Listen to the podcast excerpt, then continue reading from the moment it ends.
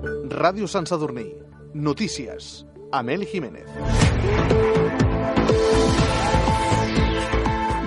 Hola, és dijous 26 de juliol. Avui Sant Sadurní arrenca amb la CUP i és que el grup polític sadurninenc ha presentat al·legacions al conveni signat entre l'Ajuntament i Agromillora i ha exigit també al consistori que compleixi la resolució judicial.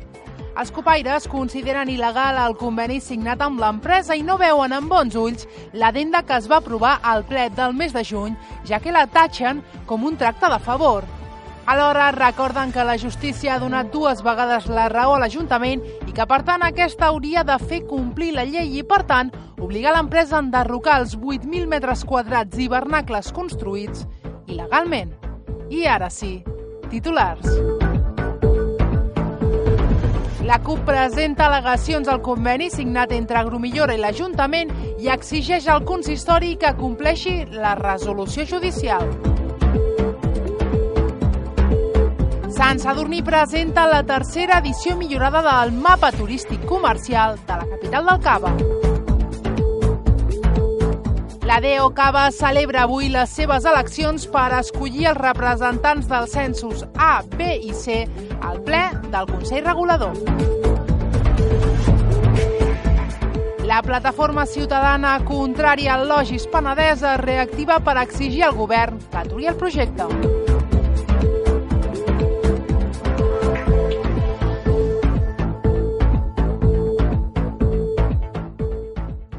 Obrim aquest butlletí informatiu ampliant la informació que avançàvem fa un moment, i és que l'empresa Agromillora i l'Ajuntament de Sant Sadurní van acordar en el ple municipal del mes de juny posposar l'enderrocament dels 8.000 metres quadrats hivernacles construïts per l'empresa sense llicència urbanística.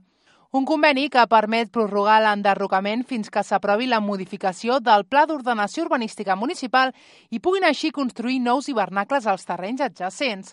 Davant d'aquest fet, la CUP denuncia que el conveni en si ja és una il·legalitat perquè contradiu la legalitat dels plans urbanístics vigents i recorda més que la justícia ja ha donat la raó dues vegades a l'Ajuntament i que, per tant, el que ha de fer el govern és fer complir la llei i acabar amb el tracte de favor, tal com ha explicat el portaveu de la CUP, Jordi Pujol. Estem davant d'un tracte de favor evident en aquesta empresa i el que farem serà primer presentar al·legacions per aturar aquest conveni, demanar o exigir que es compleixin les resolucions judicials i estudiarem les responsabilitats que pot tenir a altres nivells aquest tracte de favor. Els copaires recorden també que no es pot extreure benefici econòmic d'una infracció urbanística, un fet que Agromillora tampoc no ha respectat i que, segons el grup polític, hauria de ser motiu suficient per augmentar la sanció per valor dels beneficis obtinguts durant aquest període. L'informatiu, de dilluns a divendres a Ràdio Sant Sadurní. Som Sant Sadurní ha realitzat una nova producció del mapa turístic comercial de la capital del Cava,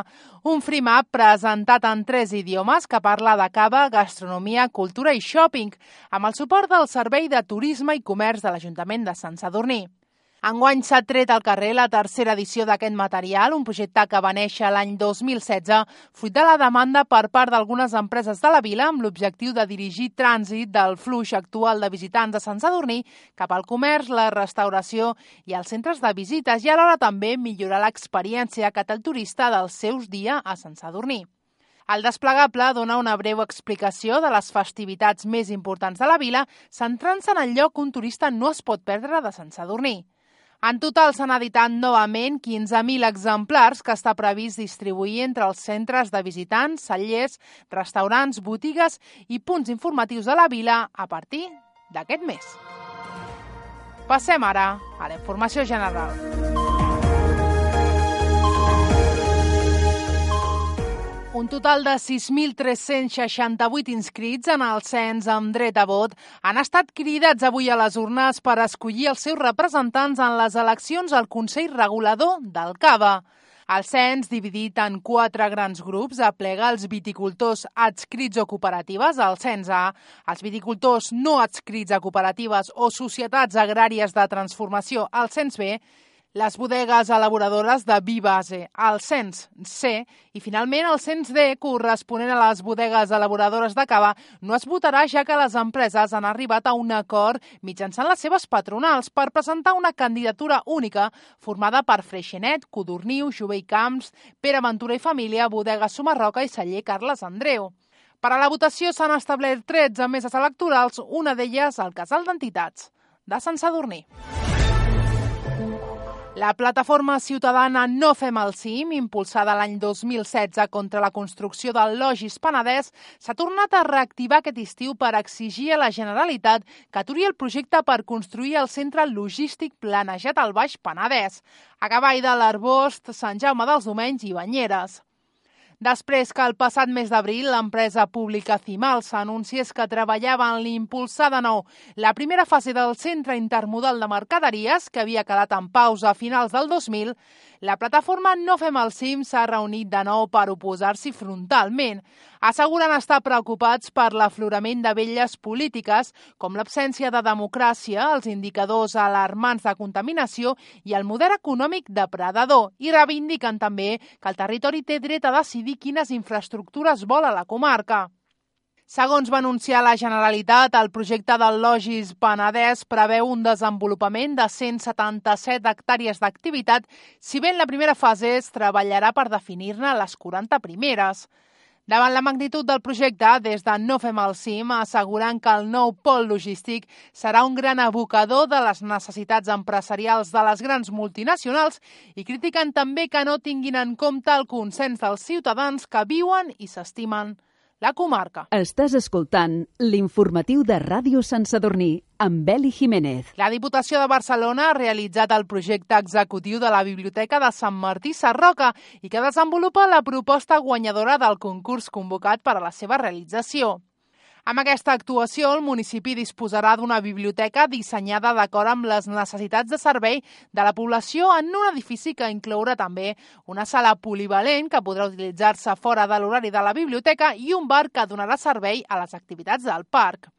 Actualment, Sant Martí no disposa de biblioteca i rep el servei de bibliobús un cop per setmana. El nou equipament, que està pressupostat en més d'un milió 200.000 euros, estarà ubicat a l'àmbit del Parc de la Pau i comptarà amb una coberta enjardinada per integrar-se millor en l'entorn i per millorar el seu consum energètic, alhora que també tindrà una funció de mirador respecte al conjunt monumental del castell i voltants. Continuem, ara sí, amb la informació esportiva.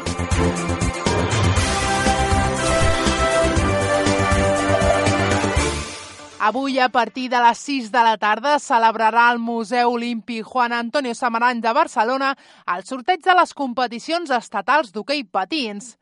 Així es realitzarà el sorteig de l'Hockey Lliga masculina, l'Hockey Lliga femenina i la Primera Nacional. Avui se sabrà, doncs, el calendari de les competicions per a la temporada 2018-2019 i com tindrà en guany el calendari el Noia Freixenet.